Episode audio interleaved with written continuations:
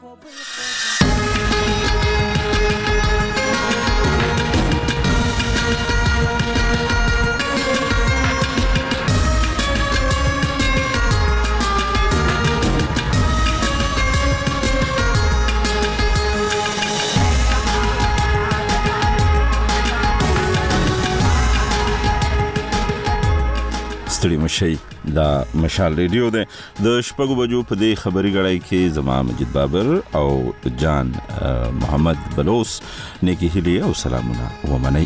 روانه خبرونه کې بعد پاکستان سیاسي حالات د حکومت سازي په لړ کې د سیاسي ګوندونو د مشرانو ترمنځ ملاقاتونه د دې ترڅنګ د 8 فروری د ټاکنو پر ضد احتجاجونه د دې خبرونه د لومبني نیمایي برخي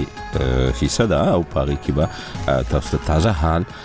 د خپل همکارانو په واسطه درکو خو له هر څه مخکې خبرونه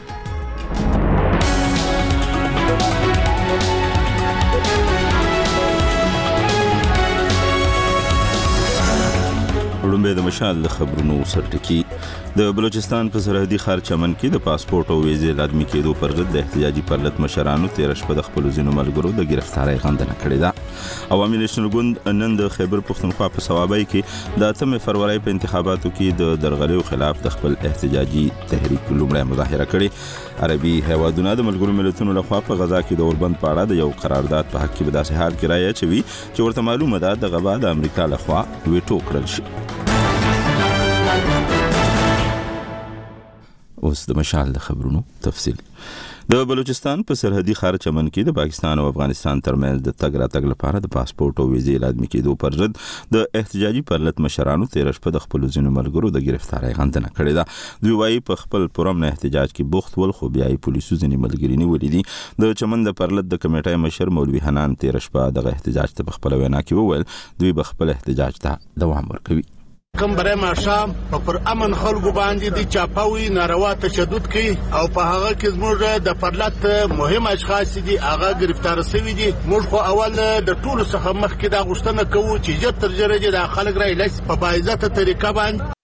بلخوا د سیمې امنیتي چارواکو لا هم په دغه اړه څه نه دي ویلي په چمن کې دغو احتجاج کوونکو د 2023 زیږیز کال د اکتوبر له 21 راهیسې پرلت پیل کړی دی خو د دوی په وینا حکومت یې غوښتنې نه دي منلي د پاکستان حکومت چې د 2023م زیږیز کال د نومبر په لومړۍ نیټه افغانستان ته د تګ راتګ لپاره د پاسپورت او ویزې شرط عملی کړ نو ورسره د هغو خلکو روزګار هم ودرید نن د فروری په شلمه د پاکستان د سېنات په غونډه کې سېناتر مشتاق احمد خان او سېناتر طاهر بزنجو د اتمه فروری په عامو انتخاباتو کې د درغلیو د تورونو پر اساس د هغه هیواد د انتخاباتي کمیشن پر مشر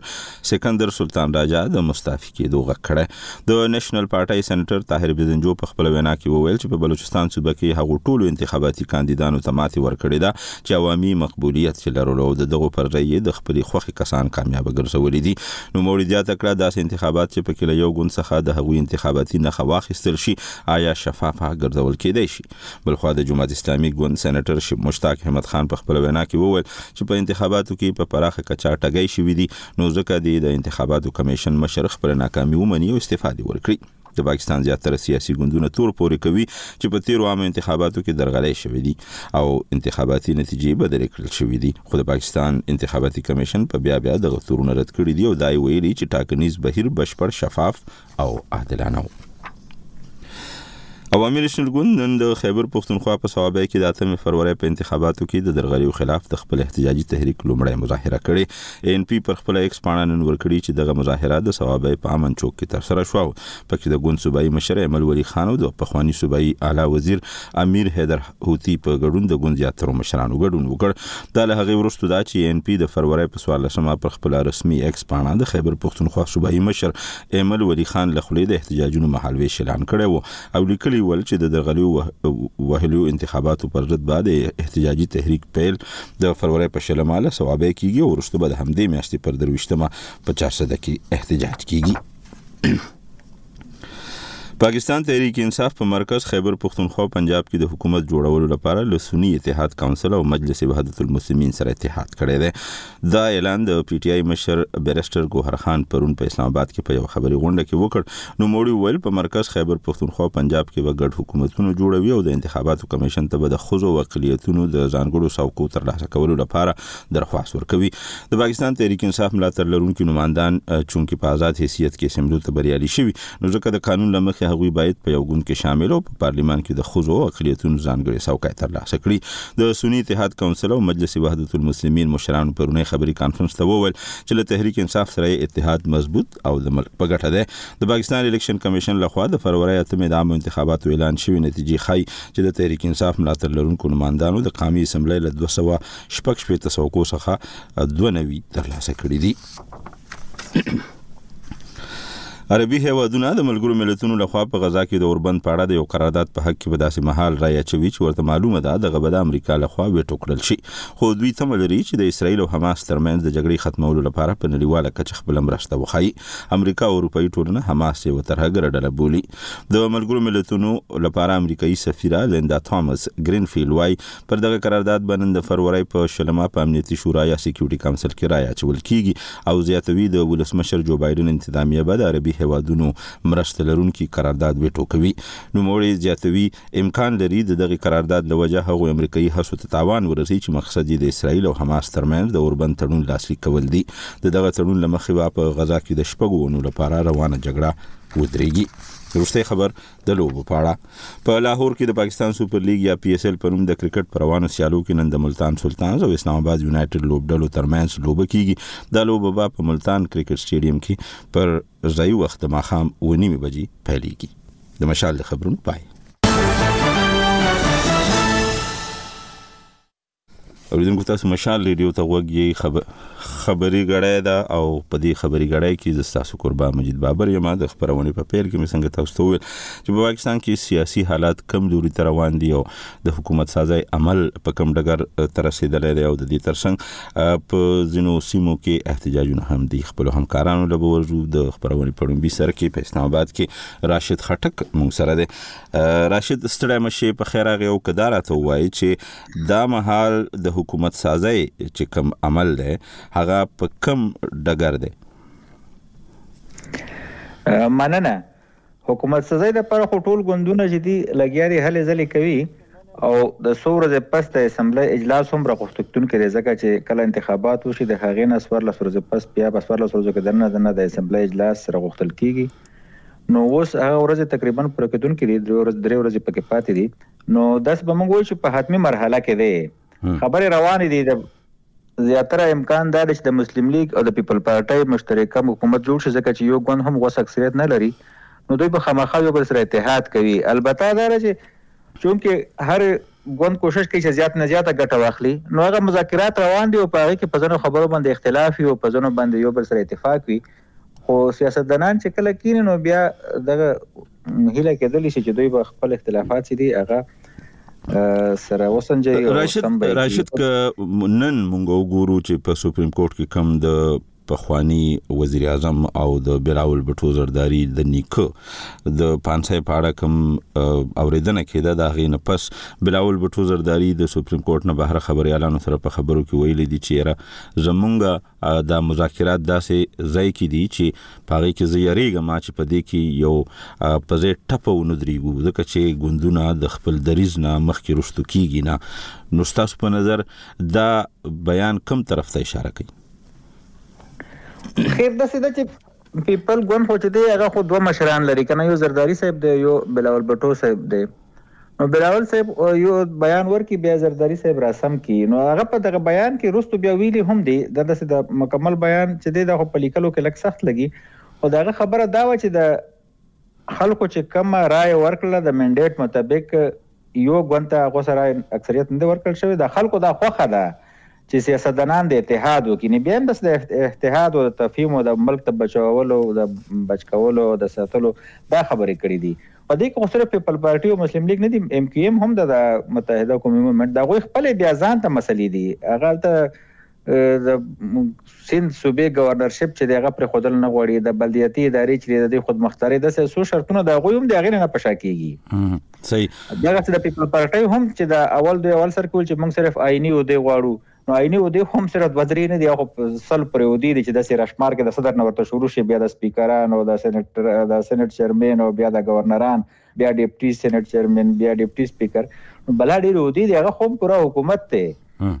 نه دا څه چې خو څوک ورستو کیږي څوک مخ کیږي شبا شریف راغله د اسلام آباد ته جی جی نن راغله دی دا اوس لکه ست مخ کې راغی نو دا ګومان کیږي اټکل دی چې دوی به یو بل سره وویني بلاول به شبا شریف په ویني او سلار برو بس دوی چې کوم مذاکراتي کمیټه جوړ کړي هغه هم مسلسل په مذاکراتو کې دي پرون هم مذاکرات شوې دي اوس هم دی بیا نو دا سلسله پر دوه درې ورځې لګه ګرمه یي صحیح خبل راشد د پاکستان تحریک انصاف ملاتړي هغه آزاد نمائندان چې 13 ورځې په سنی اتحاد کونسل او مجلس وحدت المسلمین کې د شمولیت خبره کړې و دغه پړاو کم ځای ته ورسېدو هغه په تمه دي چې هغه ته په پارلیمان کې د چې کومې ځانګړې څوکۍ دي د اقلیتونو د خزو هغه به په دې بنیاد غي ته ملاو شي او بیا به هغوی هم د حکومت جوړولو یو هڅه کوي نو دغه پړاو کم ځای ته رسیدلی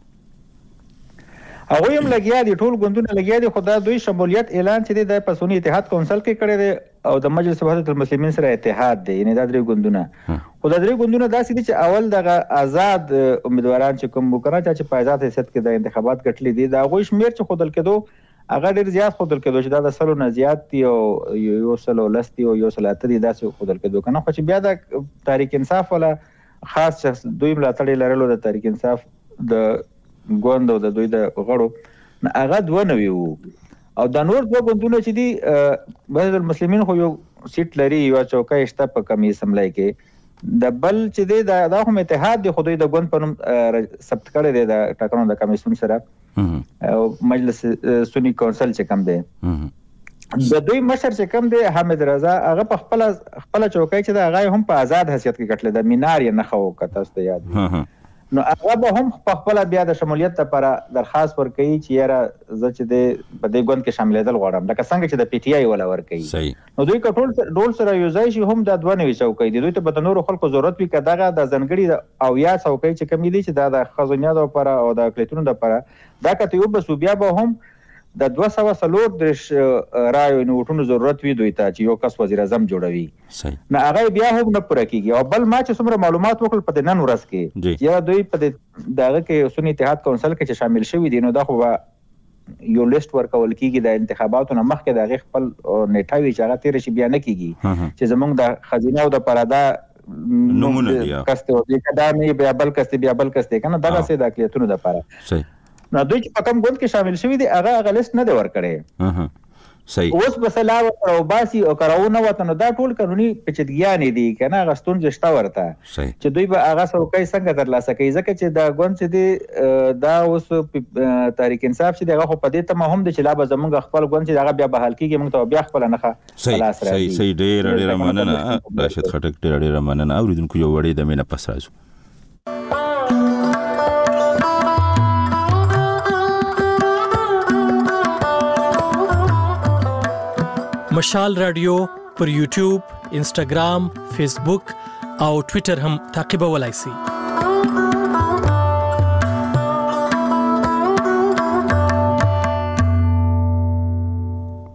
تاسو مشال ریډیو ته غوږی خبری ګړی ده د خبرونه په دې برخه کې ورځو د بلوچستان مرکز کوټې ته ایوب ترین را سره ده ایوب ستړی مشي په خیر اغه لومبي سر کې په صوبایي کچه باندې د غلطه کې د انتخاباتو نه پس چې یو خو احتجاجونه روانو خو آیا بل خو د حکومت سازي عمل کم پړاو تر رسیدلی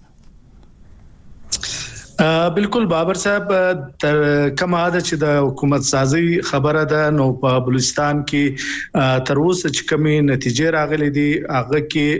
چې کوم پیپلز ګوند هغه لس چوکۍ تر لاسه کړې دي او پاکستان مسلم لیگ نون چې دي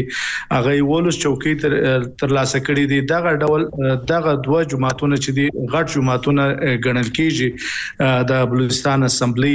او د دې سره سره جمعیت علماء اسلام هم 10 چوکۍ تر لاسه کړې دي خو برته خبر په اسلام آباد کې د بلوچستان په حواله هم د بلوچستان په هړ هم ځکه چې د پیپلز ګوند او پاکستان مسلم لیگ نون ګوند چې دی هغه چې په اسلام آباد کې د مرکزی حکومت خبره کوي نو په هغه سره سره بدوی د بلوچستان د حکومت خبره هم کوي خو د لومړی معلومات دا وو چې پیپلز ګوند او مسلم لیګ نون په دې رضا سوي دي چې په بلوچستان کې به حکومت د پیپلز ګوند وي د افغانستان کې به هم د پیپلز ګوند وي لیکن نن چې کم تازه اپډیټ دی هغه دا دی چې د بلوچستان اسمبلی شپږ آزاد غړي پاغه کې درې چې دی هغه په پیپلز ګوند کې شامل سو او دوه چې دی هغه په مسلم لیګ نون ګوند کې دی شامل سو او دغه ډول د کلاسیف لا څخه آزاد غړی مولوی نورلا چې دی هغه د پیپلز ګوند د مرستې اعلان کړی دی نو که دغه ډول موږ اعداد شمار وګورو دا وخت په دې صوبه کې د پیپلز ګوند سره هم 14 چوکۍ دي او د مسلم لیګ نون ګوند سره هم دیارلس چوکۍ دي او علماء اسلام چې دی هغه د لس چوکۍ سره پر دویم نمبر موږ ورته ویل شو چې دا وخت دی او بل خواته د مستون کلات یو الکا د چپراغه باندې تر اوسه نتیجه نه دی اعلان شوی لومړی د جمعیت علماء اسلام د غړي سید لانګو نتیجه اعلان شو بیا برته غو بدل شو د بلوچستان عوامي پارټي چې زیا لانګو دا غي اعلان اوس پراغه باندې کیس دی نو هغه که چیرې بدلیږي که جمعیت ته هغه ورکول کیږي نو بیا به جمعیت هم په اسمبلۍ کې یولس غړي ولري او که بلوچستان عوامي پارټي ته ورکړي نو بیا به د بلوچستان عوامي غړي د 15 څلور څخه 15 سي نو دا وخت په بلوچستان کې دغه صورتحال دی او د حکومت د ایوب کلن غونته کلن غونته راته وایي یو خود د انتخاباتو د نتیجو پر ضد باندې چې کوم احتجاجونه دي د هغه اوس شدت څومره دی او بل په چمن کې چې کوم د تیرو څلورو پنځو میاشتونو یو احتجاج روان دی نو په روسته برخه کې کاغه راته وای تر کومه ځه چې د انتخاباتو د نتیجو په اړه احتجاج دی نو نن هم په کوټه کې د څلور سیاسي جماعتو چې پاغه کې پښتونخوا ملي او مي ګوند بلوچستان نېشنل ګوند هزاره دیموکراتیک ګوند او دغه ډول بلوچ ملتپال نېشنل ګوند د دوی د ډپټي کمشنر د دفتر دفتر مخ ته چې ارو او ډي ارو هم دالته کښیني هغو دفتر مخ ته احتجاج روان دی او دوی دا وایي چې د دوی په نتیجو کې بدلون سوی دی او ترڅو چې د د دوی په خبره د فارم پنځه څلوېښتم لاندې نتیجې نه وي اعلان سوي تر هغه وخته پورې به دوی د خپل احتجاج روان ساتي. بل پښتونخوا نېشنل عوام پارټي هم نن یو لاریون کړی دی په کوټه کې دوی هم احتجاج کړی دی دوی دا وایي چې په کلاسي پلا کې د دوی د ګوند مشر خوشحال خان کاکړ چې دی هغه د قومي اسمبلی سیټ ګټلی دی خو بیا ورسته دغه نتیجه چې ده بدله شوې ده او د دوی احتجاج روان دی هلته که موږ د چمن خبره وکړو نو په چمن کې نن چې وو هغه کاربندیز سوی وو او پرلت هم روان دی دا کاربندیز دغه وروسته وسو کله چې تیر ورځ په چمن کې د پرلت د ځینو برخوالو لخوا د پاسپورت د دفترو مخ ته لارې بندې سوې نو بیا برای د شپې پولیسو د پرلت ځینې کسان نیولي وو اوس د بلوچستان حکومت دا اعلان وکړي چې هغه د چمن د قبایلی مشرانو پر ضمانت باندې هغه خلک چې نیول شوی وو هغه خوشاله خو دا اومیشنل د ګوند لخوا چې دی الته وسم درنه چې دی یا پرلت چې دی هغه د دې نتیجو په ضد روان دي صحیح ډېر ډېر مننه تاسو مشال ریډیو ته وګورئ یو وړي د مینه پس راځو دا مشال ریډیو ده.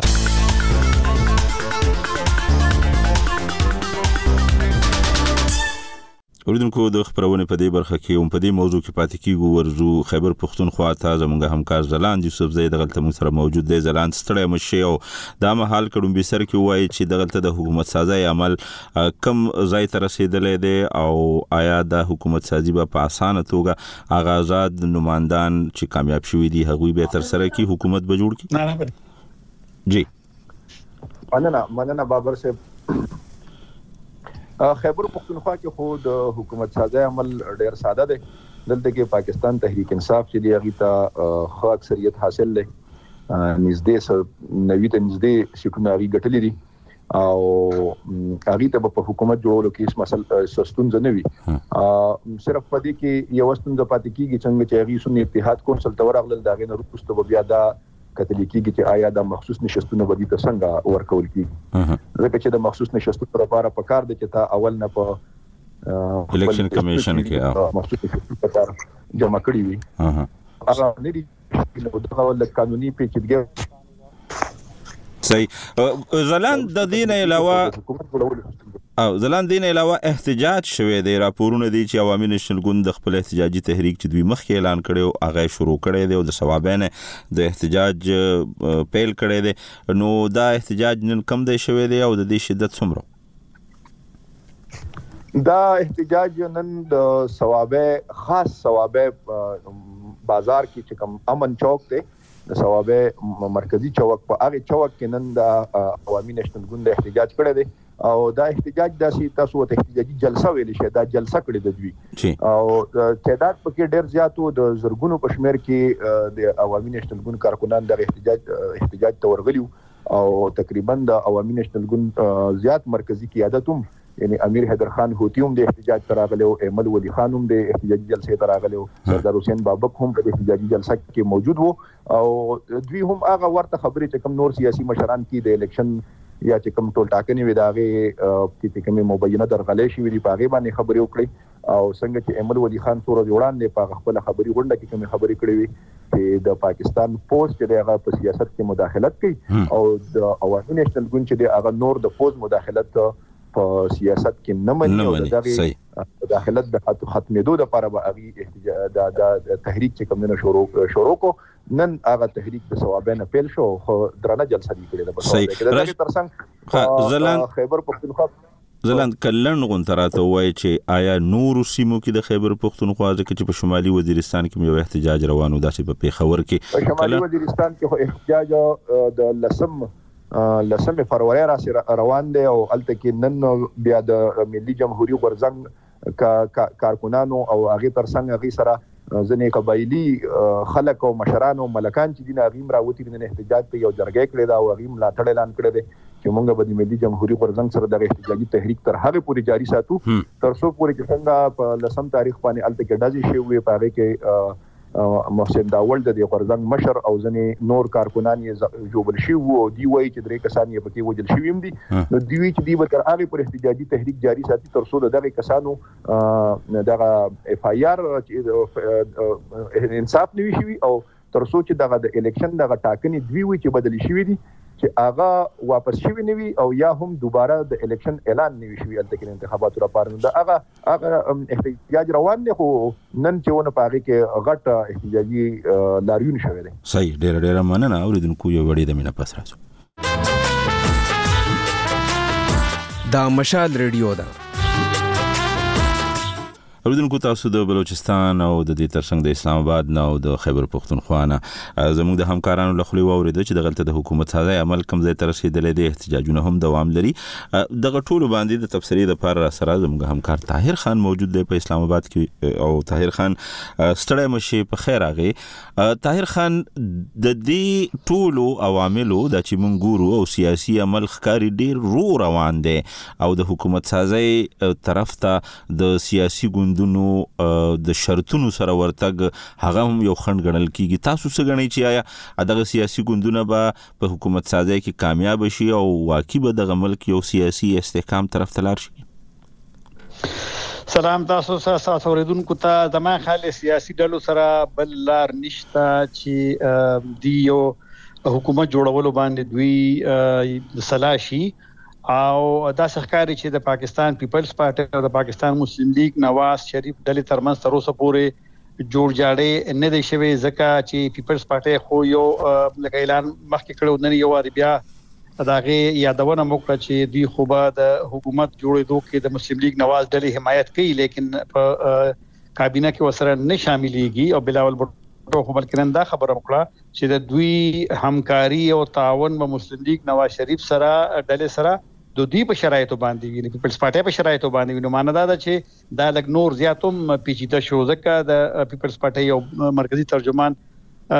دا خبرم کوي چې د دې شپاړس میاشتې چې کوم حکومت د مسلم لیګ نواز ډلې نور ډلو سره وو اتحادي نو د دې څخه تجربه نه وشوي نو معنا دا ده چې دا اتحادي حکومت جوړېدل هم اوس ډیر اسان نه ښکاري ځکه هر ډله بخپل شرایط هغه لري نو بالکل تاسو خبره درسته چې ډیر رو رو روانه ده او بل خو بیا د انتخاباتو کمیشن هم تر اوسه پورې رسمي نتیجې نه دی اعلان کړې ټوله او دغه پکې هم یو مشکل دی نو بهرحال یو مبهم غونډه حالت دی نو ګورو به امتحان هم د سیاسي ډلو چې آیا دغه رنګ یو غیر یقیني صورتحال نورم پاتې کیږي یا د دې څخه حل راوباسي ځکه خو بلاول بوټن نه نوې کنه چې ټول لکه سټیک هولډر یعنی ماندار چې هر یو هغه سیاسي لوی طاهر خان تاسو طاهر خان اوریدونکو تاسو مشال ریډیو ته غوږی او په پا پاکستان کې سیاسي حالات کم طرف ته روان دي او د دې ترڅنګ د حکومت سازي عمل په کم پړاو کې دي همکارانو لخوا د بلوچستان او د خیبر پښتونخوا او د اسلام آباد نه تاسو ته موږ د همکارانو د خلی تازه صورتحال وړاندې کو د مونږ همکار طاهر خان مونږ سره موجود او په دغه حالاتو باندې تبصره کوله د هغه د مخې د عمل ډیر سلو دی ډیر رو روان دی او په دې عمل کې د د حکومت سازه د پاره چې سیاسي ګوند سیاسي ګوند طاهر خان او طاهر خان چې کوم او طاهر خان چې کوم تاسو دغه دغه ورو پرمختګ ته اشاره وکا نو تاسو غنئ چې را د سیاسي ګوندونه با په خپل چې کوم په شرطونو ولاړ دي په هغه کې بس موږ ورته وایو فلیکسیبিলিټي یا نرمي وخی او موږ وایو چې را یو سین وایسز برامخ کې شي چې کوم زهني توګه باندې یو تکړه سیاستوالان کوي او د حکومت ساده طرف ته دي تاسو غوي نه احتمال خو شته او مجبوري هم به د دوی وي ځکه چې پیپلز پارټي او پاکستان مسلم لیګ او دغه رنګ متحده قومي غورځنګ ایم کیو ایم دوی به نه غواړي چې پاکستان تحریک انصاف په مرکز کې حکومت جوړ کړي ځکه چې یو بل سره ډیر زیات لکه د دوی هغه یو ډیر زیات پر سیاست کې د سید حالت تر رسیدلې دي چې هغه پوینټ اف نو ریټرن چې وته وي نو لکه تاسو د زغم خبر کوي برداشت خبر کوي نو دغه اړتیا خو خلک به هم توقع کوي لیکن چونکه سیاست کې دی ډیر زیات دی او بل نه جلا شوی دی کې نیم نه غا سماجی او سوشل هغه تعلق دومره اوس پاتې نه دی نو ګومان نه کوم چې دی بنرمي خو خود د پیپلز پارټي او د مسلم لیګ نواز له او د ام کیو ایم دا مجبوری ده چې اختلافات وي هم نظرونه یو بل سره ګډ نه وي هم بیا یو ډیر ډیر من ډیر ډیر مننه طاهر خان اوریدونکو تاسو مشال ریډیو ته وګړي یو وړي د مینا پس راځو او په پاکستان کې د ایکس پاڼه یا چې مخکې ټوئیټر وو هغه بندیدو دا غي نه پس صورتحال یو کارپو سره به خبره کو تاسو مشال ریډیو ته وګړي دا مشال رادیو لیدونکو کارپو او په ډیجیټل میډیا باندې نظر لرونکي شفیق ګیانې را سره د مهال د لندن نه د ټلیفون په لیک راغلی دی شفیق ستړی مشي په خیر راغی او کدار ته وایي چې په پاکستان کې دا غنګوسی دي چې د تیرو دوه درې ورځو نه د ایکس پاڼه بند ده او پاغي باندې خلک خپل پوسټینګ یا خپل فعالیت نشي کولای رومبه کدا وایي چې آیا دا واقعي او رښتیا خبره ده بالکل دا چې خبر ده تیر ستور روزونه د ټوئیټر چې کوم ویب سټ ته هغه باندې او کله کله مینز تر مینز لګ لګ کلو کی خو بیا هم چې موږ ګورنو پاکستان کې دا ډاون دي د سلور روزنه او ډیر خلک چې دا د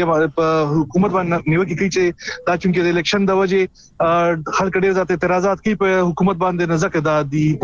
دا ټوئیټر چې کوم دی او چې ایکس وی دا بند کړی ها شفیق قدار ته وایي چې یره دا بندیز صرف یا دا ستونزه او لستا صرف په ایکس پاڼه دا ک نور چې کوم ټولنیز پاڼې دی لکه فیسبوک دی انستګرام دی یا نور دی په هغه مش داشته زما د معلومات سره مخ خو صرف فلحال ټوئیټر دی بنکړو په تیر وختونو کې موږ ګورنو فیسبوک او یوټیوب او دا رنګ نور رسنۍ چې کوم دي هغه بند د بندولو کوشش هم شوی دی او فیسبوک زما په خیال یو کال پورې بندو یوټیوب هم دا رنګ ډیر موده پورې بندو خو اوس فل حال زما په خیال صرف ټوئیټر بند دی ها شفیق د دې لامل څه کې دی شي په جمهوریت معاشرو کې دا یو بنیادی حق ګڼل کیږي چې د ولس لاسرسي ټولنیزو پاڼو ته وي په پاکستان کې دا بار بار په بیا بیا انتظامیه یا حکومتونه دا ولیکي نو لومبه خبر خدا را چوم د سیمونګو ګورو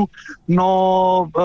چې کوم د پاکستان په آئین کې هم د فریډم اف ایکسپریشن یعنی د خپل د رائے اظهار چې کوم د حق حاصل دي دا رنګ پاکستان چې دی هغه د سی پی پی آر او د یونیورسل ډیکلیریشن اف هیومن رائټس سیګنیټری هم دی خدای باوجود موږ ګورو چې په مختلف طریقو سره کله کله په جرنالیزم زم باندې کله کله د سوشل میډیا پر سنو باندې بندیز لګي نو زما په خیال دا د د ریاست دغه سيزان غوښتنه کوي چې را ولې دا بنديږي کاغه آئینی حق هم دی دا په باوجود هم پاکستان دا رنګ قوانين جوړ کړی دي لکه اوس د چې کوم اوس قانون چې کوم پیکا چې پاکستان الکترونیک کرایم ایکټ چې کوم هغه دوی جوړ کړی هو د دې لپاره چې موږ به دغه سوشل میډیا او دغه رنګ رسنۍ ریګولایز کوو خدای باوجود دوی صرف او صرف هغه د جرنالستانو یا د رنګ د سوشل میډیا اکټیویستان چې کوم دي دا غوي د تنګولو یا د غوي د گرفتارو لپاره استعمالي خو د خپل چې کوم جمهوریت حق تغیر لپاره نه استعمالي که لنډ غونته راته ووایی چی په نورو ملکونو کی مونږ ګورو ډیجیټل رایټس لپاره فعالیت کوي دغه مدني فعالان پاکستان کې داسې خلک شته چې په دې حواله سره خبره یا आवाज اوچت کړي پاکستان کې د یو شمېر ادارې شته لکه بولوبي چې اسامه خلجی چې لیدارنګ نګداد ډیجیټل رائټس فاونډیشن چې لیدارنګ یو شمېر نور هم شته دي خدای چې څنګه چې د ریاست دغه دونه ګرفتونه مضبوط دي چې زیات تنظیمونه چې کوم دي هغه هم یا د یری په بنیاد باندې یا د چې کوم د ریاست چې کوم سټراکچرز جوړ کړی دی په بنیاد باندې هغه رنګي کلو اظهار نشي کولای کلو ریپورتونه کلو انویسټیګیشن نشي کولای دا غي د وجیو شپن وسره شته صحیح ډیر ډیر مننه شفیق کیانیو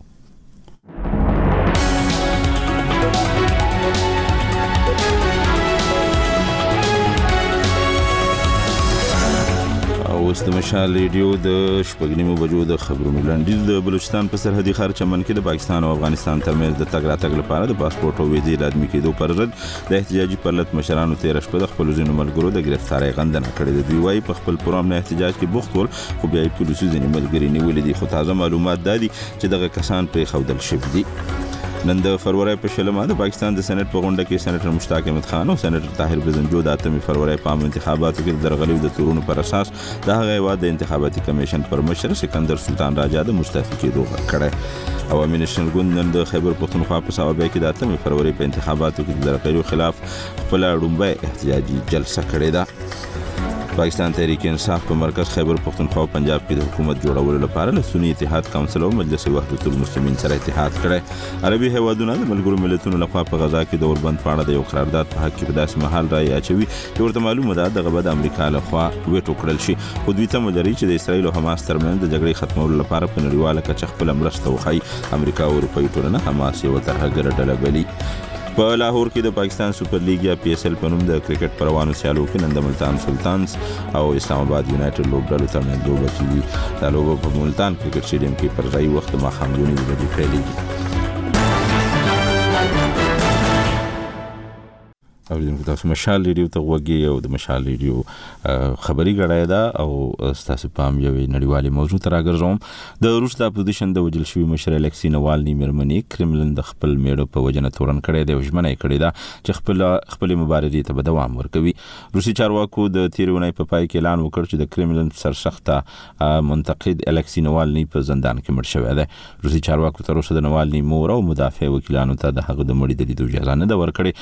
یولیانا والنایا پرون د اروپايي ټولنې له مشرانو سره د کتنې په درشل کې د خپلې مبارزې لپاره د خلکو د ملاتړ غوښتنه وکړه. په دې اړه تفصیل احمد تکل راکوي.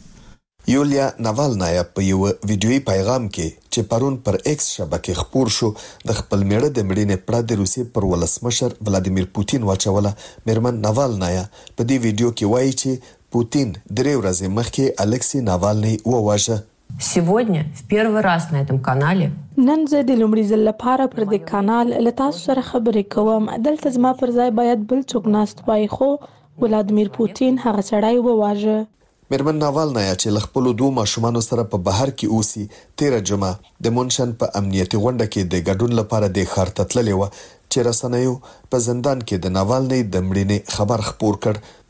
نوموړی د افراطیت په تور په نولس کاله بند محکوم شوی و،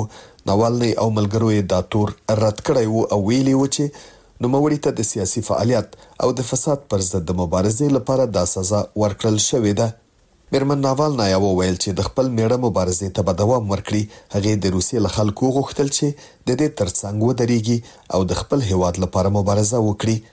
نوموړي له خپلو پلویانو وغوښتل چې د کرملین پر ضد تر پخوا په زیات قهر مبارزه وکړي او ویې ویل چې دا په یوه ازاده روسیه کې ژوند غواړي. ناوالنایا وروسته په بروکسل کې د اروپايي ټولنې د غړو هېوادونو له مشرانو سره وکتل. د اروپايي ټولنې د بهرني سیاست مشر جوزپ بورل، له دې کتنې وروسته مېرمن ناوالنایا ته د دې پېښې له کبله خواخوږي څرګنده کړه او ویې ویل، دی کلک باور لري چې له ولسمشر پوتین او د هغه له رژیم سره به د ناوالنۍ د مړینې په خاطر حساب کتاب وشي. بورېل د مېرمن ناوالنایا د پخوانیو څرګندونو یادونه وکړه چې ویلي وو، پوتین روسیه نه ده او روسیه پوتین نه دی.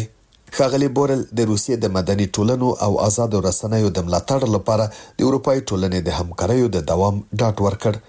روسي چارواکو د تېرې جمعې په ورځ اعلان وکړ چې د کرملین سرسخت منتقد الکسي ناوالني په زندان کې مړ شوی دی. روسي چارواکو تر اوسه د ناوالني مور او مدافع وکیلانو ته د هغه د مړي د لیدو اجازه نه ده ورکړې چې دې کار په کور دننه او بهر د خلکو سخته غوسه پارولې ده.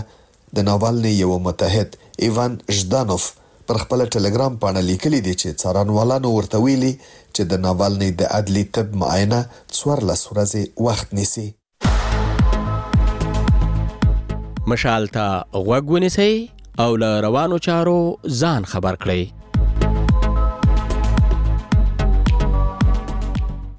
اردن تاسو مشال ریډیو ته وګي په دوحه کې د افغانستان په اړه مهمه غونډه له کومې ځانګړې پریکړې پرته پای ته ورسیده د ملګرو ملتونو جنرال سیکرټري د غونډې په پای کې وویل چې د افغانستان لپاره د دې سازمان د یو ځانګړي استازي د ټاکنې په اړه په بحثونو کې پرمختګ وشو د طالبانو د حکومت رسمي ویندویانو تر اوسه د دې غونډې او د ملګرو ملتونو د جنرال سیکرټري د څرګندونو په اړه څه نه دی ویلي خو په قطر کې د طالبانو د سیاسي دفتر مشر یو دل بیا د ځانګړي استازي له ټاکنې سره مخالفت څرګند کړي احمد تکل په تفصیل لري په دوحه کې د ملګرو ملتونو په کوربه توب دوه ورځنۍ نړیواله غونډه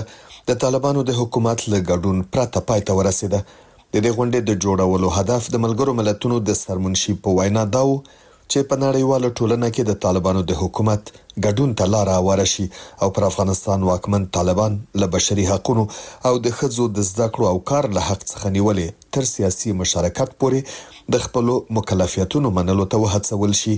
طالبانو له لومړي سر څخه په دې غونډه کې ګډون ته لېوالتیا ونه ښودله، ځکه تمه یې دا وه چې ملګري ملتونه به دوی د داسې یو حکومت په توګه دې غونډې ته وبولي چې حیثیت یې د اسوشیتد پرس خبري اژانس د راپور له مخې د په رسمیت پېژندل شوي حکومت په کچه وي. د ملګرو ملتونو سرمنشي پرون وویل، طالبانو په غونډه کې د ګډون لپاره داسې شرایط ایښي وو چې د منلو وړ نه وو انتونیو ګوترش له غونډې وروسته خبریالانو ته وویل، دی هیله من دی چې د دوحې فارمټ به دوام وکړي او د طالبانو استازي به یې په راتلونکو غونډو کې حاضر وي. There was a decision. یوه پرېکړه دا وه چې دا غونډه بیا بیا تکرارېدونکی فارمت شي څو موږ وتوانېږو چې تر دې ډېر سره وګورو خو په عین حال کې په راتلونکې غونډه کې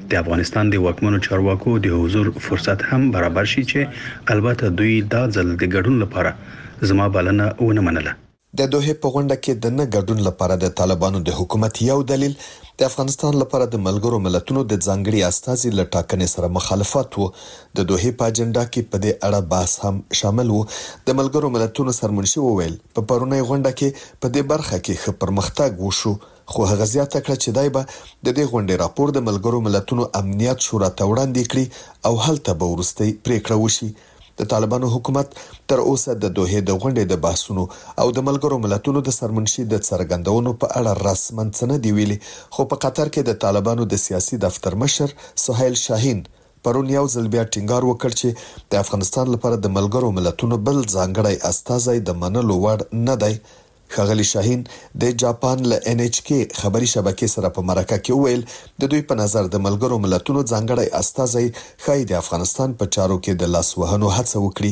هغه پوښتنه وکړه چې ولې د ځانګړي استازي ټاکلو ته اړتیا شته؟ او پرته له دې چې جزیات ورکړي زیاته یې کړه، داسې شکونه شته چې نوی استازی ښايي پر افغانستان ځینې پرېکړې تحمیل کړي.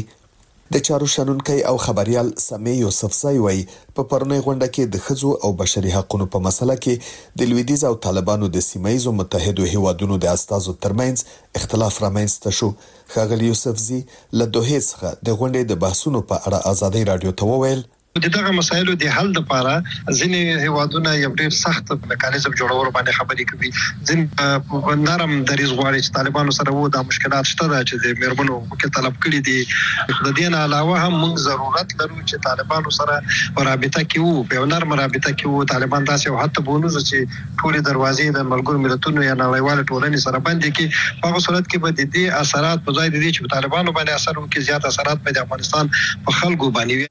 د طالبانو حکومت وایي چې د امنیت په ګډون د یو مشروع حکومت ټول شرایط یې پوره کړي دي، نو نړیوال باید د دوی حکومت په رسمیت وپېژني، خو ملګري ملتونه او نړیواله ټولنه د نجونو او ښځو پر زده کړو او کار د طالبانو بندیزونه د بشري حقونو سرغړونه بولي او وایي طالبان باید د ښځو او بشري حقونو په برخه کې د نړیوالو اندېښنو ته ځواب ووایي او بیا دې د رسمیت پېژندنې غوښتنه وکړي.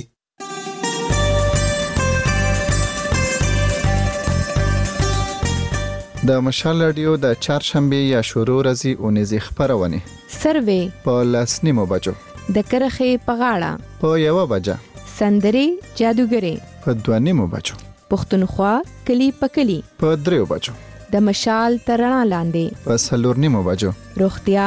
او درملنه په پنځو بچو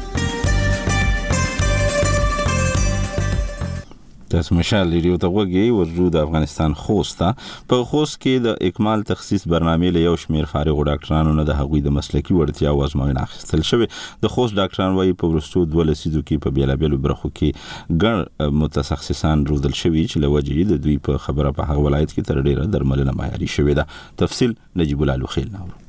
په خوست کې له هغو اته ویشتو نارینه او ښځینه ډاکټرانو ازموینه واخیستل شوه چې د دې ولایت د ولایتي روغتون په څلورو بېلابېلو برخو کې یې خپلې تخصصي دورې بشپړې کړې دي د خوست په ولایتي روغتون کې د اکمال تخصص پروګرام شاوخوا لس کاله وړاندې پیل شوی چې د دې برنامې د هر فارغ کس پر ځای نوی معالج ډاکټر دې برنامې ته جذبیږي. د اکمال تخصص برنامې مسؤل ډاکټر ننګیالي مشال راډیو ته وویل. موږ په سږ کول کې اوته ویشت فارغین لرو په څلورو براخو کې چې دې جمله شپږ یې موږ عمومي جراحي نه فارغین دي، دیارلس عمومي داخله دو. و ته ماشومونو داخله او یو هم د موږ د نسائی ولادي ډپارټمنټ څخه فارغیږي چې د هر یوه دوره چې دو مختلف کلونه لري. د تخصصي دورې فارغان په ځانګړې ډول د طب په ډګر کې تخصصي زده کړې د اوس وخت یوه مهمه اړتیا ګڼي او تمه څرګندوي چې په دې سره په خوست کې به په روغتیايي برخو کې خلکو لپاره اسانتیاوې برابرې شي. د دې برنامې یو ګډونوال ډاکټر محمد عالم وايي. په دې برخه کې ډېر پرمختګ منځ ته رسي، ځکه چې په علمي لحاظ زموږ هغه لوړېږي، طبیعي ده چې نو مریض به ښه تداوي کېږي. کوم مریضان چې خارج ته ځي، هغه به مخنیوی شوی وي، نو دلته په کور به تداوي شوي په خپلو روغتونونو کې. د عامې روغتیا وزارت دا ځل د خوست ولایتي تخصصي روغتون ته هم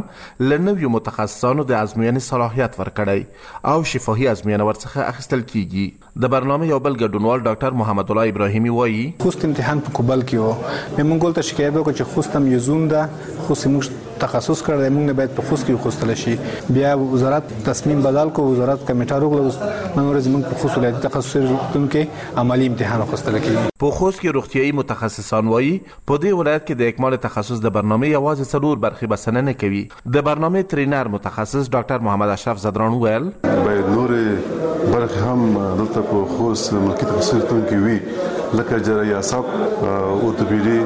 ګوش کولو او سترګه چې دې ته هم شت ضرورت دی، په اوس وخت کې باید په شفاخانه کې وي. دوه لسیزې وړاندې خوست کې روغتیايي خدمتونه ډېر محدود ول. یو بل تن ترینر متخصص ډاکټر ظفرخان حیدرخېل وویل. هر څوک کوشش کوي چې خپل مسلکي ډاکټر ته مراجعه وکړي، مثلاً د اطفالو ډاکټر، طفل د اطفالو متخصص ته او د لویانو متخصص ته مراجعه کوي او دلته یې په تخصصي او په ښه شکل سره، په معیاري شکل سره تداوي کېږي او د دې په نتیجه کې مریضانو رضایت هم حاصل شوی دی. د خوست د ولایتي روغتون ډاکټران له دې هم شکایت لري چې د ناروغانو شمېر یې دوی ته د ورکول کېدونکو امکاناتو په پرتله څو برابره ډېر دی. دوی وايي، د خوست ولایتي روغتون سل بستریز دی، خو په ورځینې ډول یې د مراجعینو شمېر تر پنځو سوو کسانو لوړ وي، چې له امله یې ناروغانو ته پوره روغتیايي خدمتونه نه شي وړاندې کېدلی.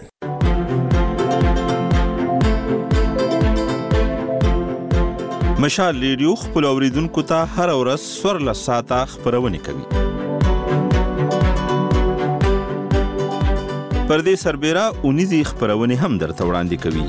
موږ د روغتیا ادب هنر روانو چارو مرمنو او ځوانانو په اړه ځانګړي پروګرامونه درته وړاندې کوو دا ورېدو لپاره لمشال ریډیو سره اوسئ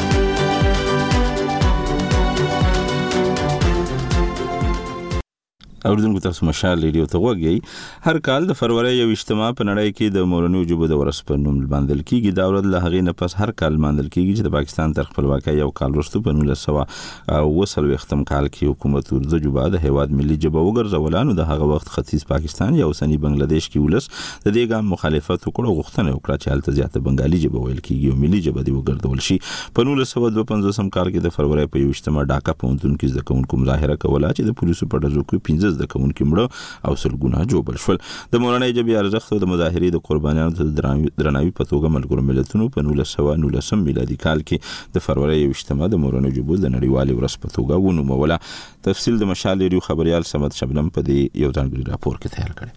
د فبروري یوشتمه هر کال په ټوله نړۍ کې د مورنۍ ژبو نړیوالې ورځې په توګه لمانځل کیږي. د دې ورځې اړوند د پاکستان په ګډون د نړۍ په ګڼو هیوادونو کې پروګرامونه ترسره کیږي.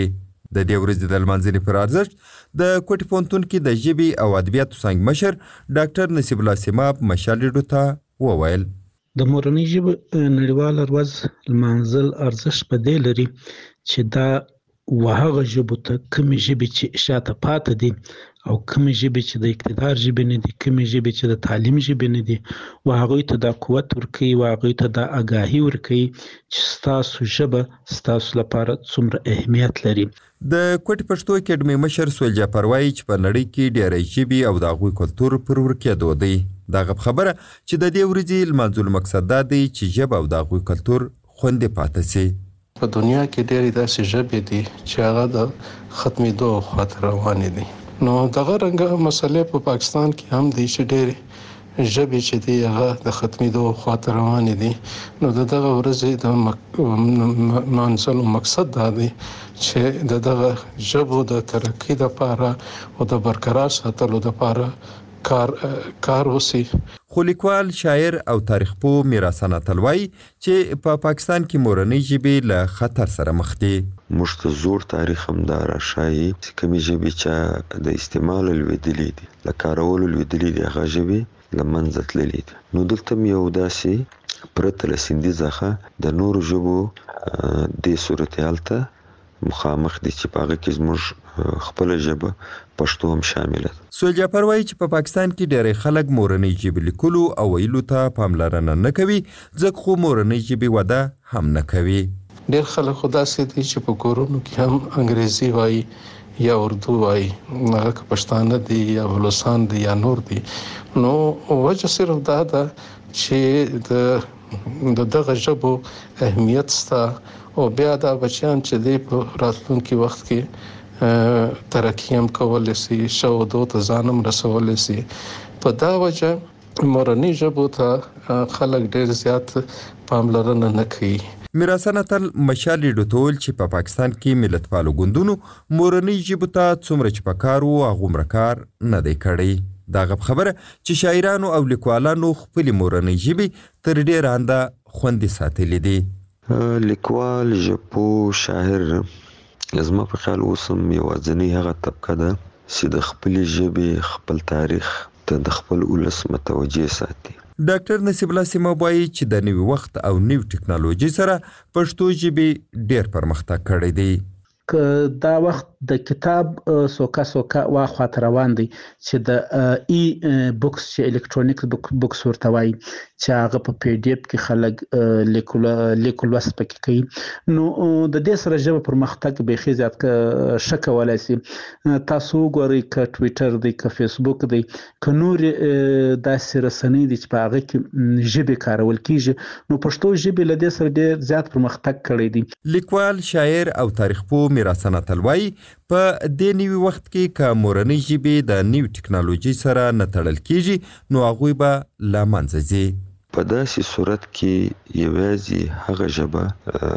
سروایو کولای شي، ژوندۍ پاتې کېدلای شي، چې هغه ټکنالوژي ته ننوزي سي په هغه کي ګوګل هم موجود وي په هغه کي هغه د ټبليټ ژبه هم وي هغه د موبايل ژبه هم وي د ارټيفيشل اټليجنس زبه يي زه خپل په شخصي توګه د هغو ژبو سي د دي ټيکنالوجي سره تړلي نه وي را روان يا د دوی سي کوم سباون دی هغه تور وینم تاریک یې وینم. دا چې په پاکستان کې پښتو ژبه په تېرو وختونو کې په تعلیمي نصاب کې ګډه کړل شوې وه، خو بیا کار نیمګړی پاتې شوی. ډاکټر نصیب الله سیماب مشال ریډیو ته وویل چې ژبه هغه وخت پرمختګ کولی شي چې هغه په تعلیمي نصاب کې شامله وي او د ولس د روزګار ژبه وي. چې تر څو پورې ژبه په تعلیم کې نه وي راغلې، په لیک لوست کې نه وي راغلې، ژبه پرمختګ نه شي کولای. میرحسن اتل مشال ریډیو ته وویل چې په تېرو وختونو کې په بلوچستان او خیبر پښتونخوا کې د پښتو ژبې تر څنګ نورې ژبې د تعلیمي نصاب برخه وګرځول شوې، خو د هغوی لپاره چې حکومت ته څومره کار کول پکار وو، هغومره ونه کړل شو. صمد شبنم مشال ریډیو کوټه. تبصرې، شننې، خبرونه، رپوټونه، عکسونه، ویډیوګانې او د مشال اونیزې خبرونه زموږ په ویب پاڼه مشال ریډیو ډاټ کام کې لوستلې، اوریدلې او لیدلې شئ.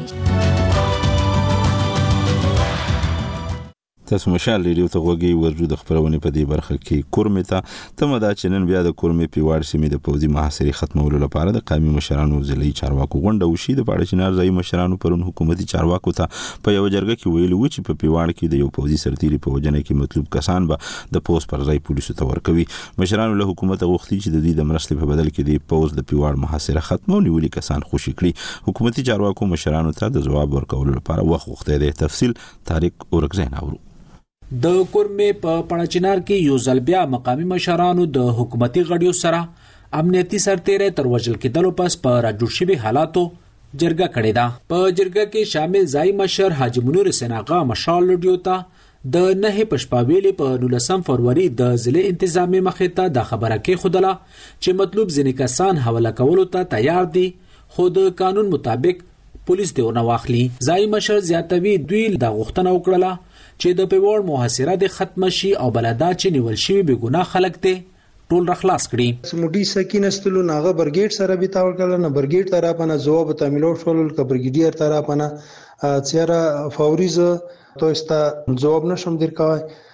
نه دی نیمو سبا دس بجی دوباره بیا وعده وشوله څه دس بجی کی به انشاءالله امید څه خبرو اترو زری سره به د پیوارد څوره مسله دی دا بټوله حل طرف ته روانه شي په کورمه کې پر 15 فروری د پیوارد ځینو کسانو مبینه پر پوځیانو هغه وخت برید کړی وو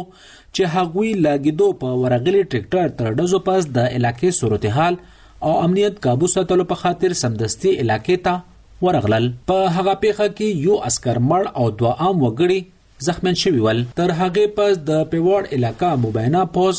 محاصره کړې ده. که څه هم تر جرګې پس حکومت ځينې خلک راخلاص کړل، خو ځايي اوسېدونکي ابرار قاضي د نهې په شپه مشال لډيو ته ويلي، په علاقه کې لا هم امنيتي عسکر د ټانکونو سره ولاړ دي. پېوړ ته نه وځي هغوی انټريا کېږي، که څوک پېوړ نه راوځي هغوی انټريا کېږي. د غوا کې پیوړ چې کوم ننه پیوړي دي هغه چال چالان کیږي بل پلمه اور می چې کومه دی هغه د علي منګول چیک پو سره د التیال اربان کړی دی مليانو مل سره سیدممو سره سیدممونه پاس کومه د پیوړ د میده کوټو کومه لیاره دی هغه هم بند کړی دی نورا په اور می چې کومه دی په دې پیوړ کوم تری منګل روډ دی باندې گاش ته هم کوي او دا بلکو دا لاري ټولي مکمالي باندي د غوښ کې. بلخوا په دغه اړه د ضلعې انتظامي دریځ معلومولو لپاره موږ ډپټي کمشنر جاوید الله محسود سره رابطه ونیوله خو هغه رسره خبرې ونه کړې د دې ترڅنګ پولیسو او پوځ هم تر اوسه خپل موقف نه دی ښکاره کړی البته وړاندې له سیمې نوی منتخب د قامي اسمبلي غړی حمید حسین مشال لډیو ته دا ویلي ول کله چي د مطلوبو کسانو پر ضد د عملیاتو فیصله وشوله نو پوځیانو ته یې دا ویلي وو چي عام خلک او ابادي دي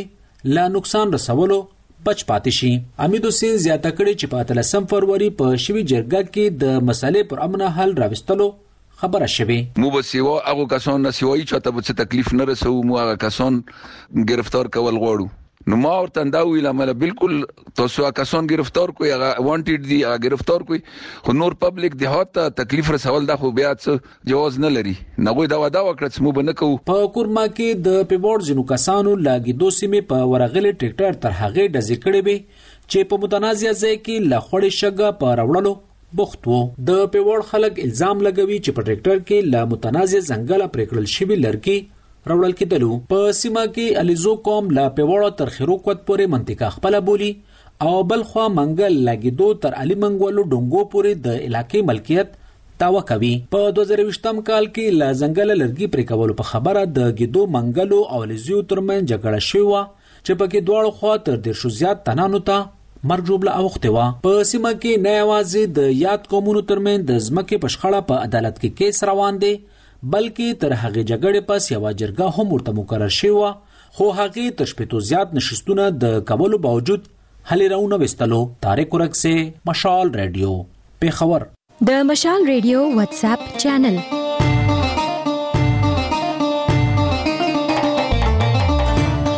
د مشال ریډیو پر واتس اپ چینل ویډیوګانو تصویرونو غږیزو خبرونو او لیکلي راپورونو ته لاسرسي پیدا کړئ د خپل واتس اپ کینی یا چپی خواته د اپډیټ برخه ته ورسی او بیا د چینلونو د لټون په برخه کې مشال ریډیو لیکه په دې توګه تاسو د مشال ریډیو واتس اپ چینل پیدا کولای او ورسره ملګري کېدلی شئ د مشال رادیو د واتس اپ چینل لینک له ملګرو سره هم شریک کړئ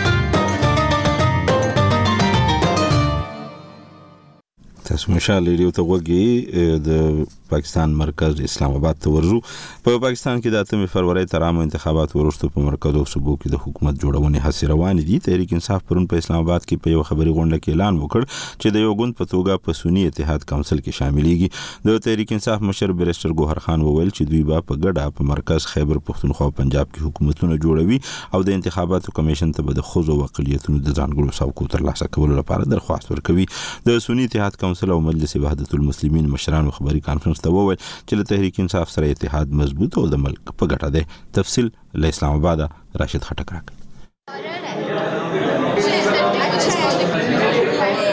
دا د هغه خلکو د ګڼې ګوڼې غږونه دي چې په پاکستان نېشنل کونسل اف آرټس کې د کتابونو په یو سټال راغونډ دي چېرته چې د مورینیو ژبو په مناسبت د درې ورځنۍ مېلې تابیا د انډس کلچر فورم لخوا شوې وه. مېله په اتلسمه فروری پای ته ورسېده او د ملک د بېلابېلو سیمو نه د مختلفو ژبو ویونکو پکې په ګڼ شمېر کې ګډون وکړو. په پاکستان کې ویل کېدونکو د شل ژبو لیکوالانو، شاعرانو، دانشورانو او مدني فعالانو په دې درې ورځو کې په ادب، تاریخ، فلسفه، فلم، ډرامه، سیاست، بنیادي حقونو او د حکمرانۍ په طرز خبرې وکړې او د اورېدونکو پوښتنې یې ځواب کړې. په مېله کې په مجموعي ډول شل ناستې وشوې. د پښتو ژبې لیکوال او محقق او د اسلام اباد په قاعده اعظم پوهنتون کې د سیمه ییزو زده کړو مشر ډاکټر حنیف خلیل چې په مېله کې یې وینا وکړه د دې د اهمیت په اړه مشال رډیو ته وویل. او په داسې حالاتو کې چې د الکترونیک میډیا ډېره غلبه ده، چې په هغې کې د ژبو، د ادب، د کلتور په لور توجه کمه شوې ده، نو انډس کلچر فورم په یوه غټه پیمانه دا یو ډېر ښه کار کوي چې دغه اقدار، دغه ویلیوز چې کوم د دې ژبو شاته پراته دي او کوم د دې ویونکو، د دې قومونو، ملتونو تر شا یو روایت دی، یو تاریخي پس منظر دی، کوم چې روحاني کدرونه دي، نو د هغې د تحفظ هڅه هم کوي، یو بل ته د ملتونو د دغه ملي سرمایې او د رسولو هڅه هم کوي. په مېله کې د مختلفو ژبو د کتابونو سټالونه هم لګېدلي وو چې زیاترو په کې په نیمه بیه کتابونه خرڅول. د بلوچستان د پشین ضلعې اوسېدونکي خلیل احمد چې په یو سټال د کتابونو په لټون بوخت و، ملي ته د راتګ په هکله مشال رډیو ته وویل. زه دلې په انټرنیشنل اسلامي یونیورسټي اسلام آباد کې بي اس انګلیش کوم بیچلرز کوم سات سات زه پټه جواب کوم او زه راغلی دلته کتابونه ګورم مختلف ما کتابونه ډېر خوښوم نو به تور پښتون موږ ته خدا په کار دی چې موږ خپل پښتون هیستوري هغه سټډي کو هغه وایو خوشحال خان خټک باچا خان دغه رقم غني خان په درې ورځینۍ مېله کې د مختلفو ژبو د اتیا کتابونو مخکتنه هم وشوه. او د اردو، پښتو، بلوچۍ، پنجابۍ، سرایکۍ او کوهستانۍ ژبو لیکوالانو ته ایوارډونه هم ورکړل شول. د انډس کلچر فورم سکرتر اشفاق چانډو اراده څرګنده کړه چې راتلونکي کال به د دې ملت ادبیات د ملک په مختلفو سیمو کې په ګرځنده ډول تر یوې میاشت پورې کوي. خو د پېښور نه راغلي د کتابونو خرڅوونکي فریاد ملاګوري مشال راډیو ته وویل چې سږ کال مېلې ته د تېر کال په نسبت لږ خلک راغلي دي. کتابونه چې دي نو دا خو خپل قیمتونه یې ګران دي موږ چې کله دکان کې خرڅوو په خپل قیمت یې خرڅوو خو چې دلته موږ کوم کتابونه راوړي دي یو کتاب چې دی هغه په زر روپۍ دی نو دلته یې موږ په اووه سوه په شپږ سوه شپږ نیم سوه روپۍ په دې خاطر خرڅوو چې د کتاب مینه وال ډېر شي. انډس کلچر فورم د تېرو نهو کلونو رسې د مورنیو ژبو په مناسبت تملې ته بیا په اسلام اباد کې کوي. راشد خټک، مشال رډیو، اسلام اباد. اوریدونکو د خبرو د دې راپور په سر کې مو ویل چې دا یو سیاسي راپور دی خو موږ خپل غلطي منو او دا د په اسلام آباد کې د هغه د مورنیو جیبو په مناسبت سره جوړ شوی د دریوردنې میلې په اړه راپور چې په 13 فروری دا پای ته ورسید د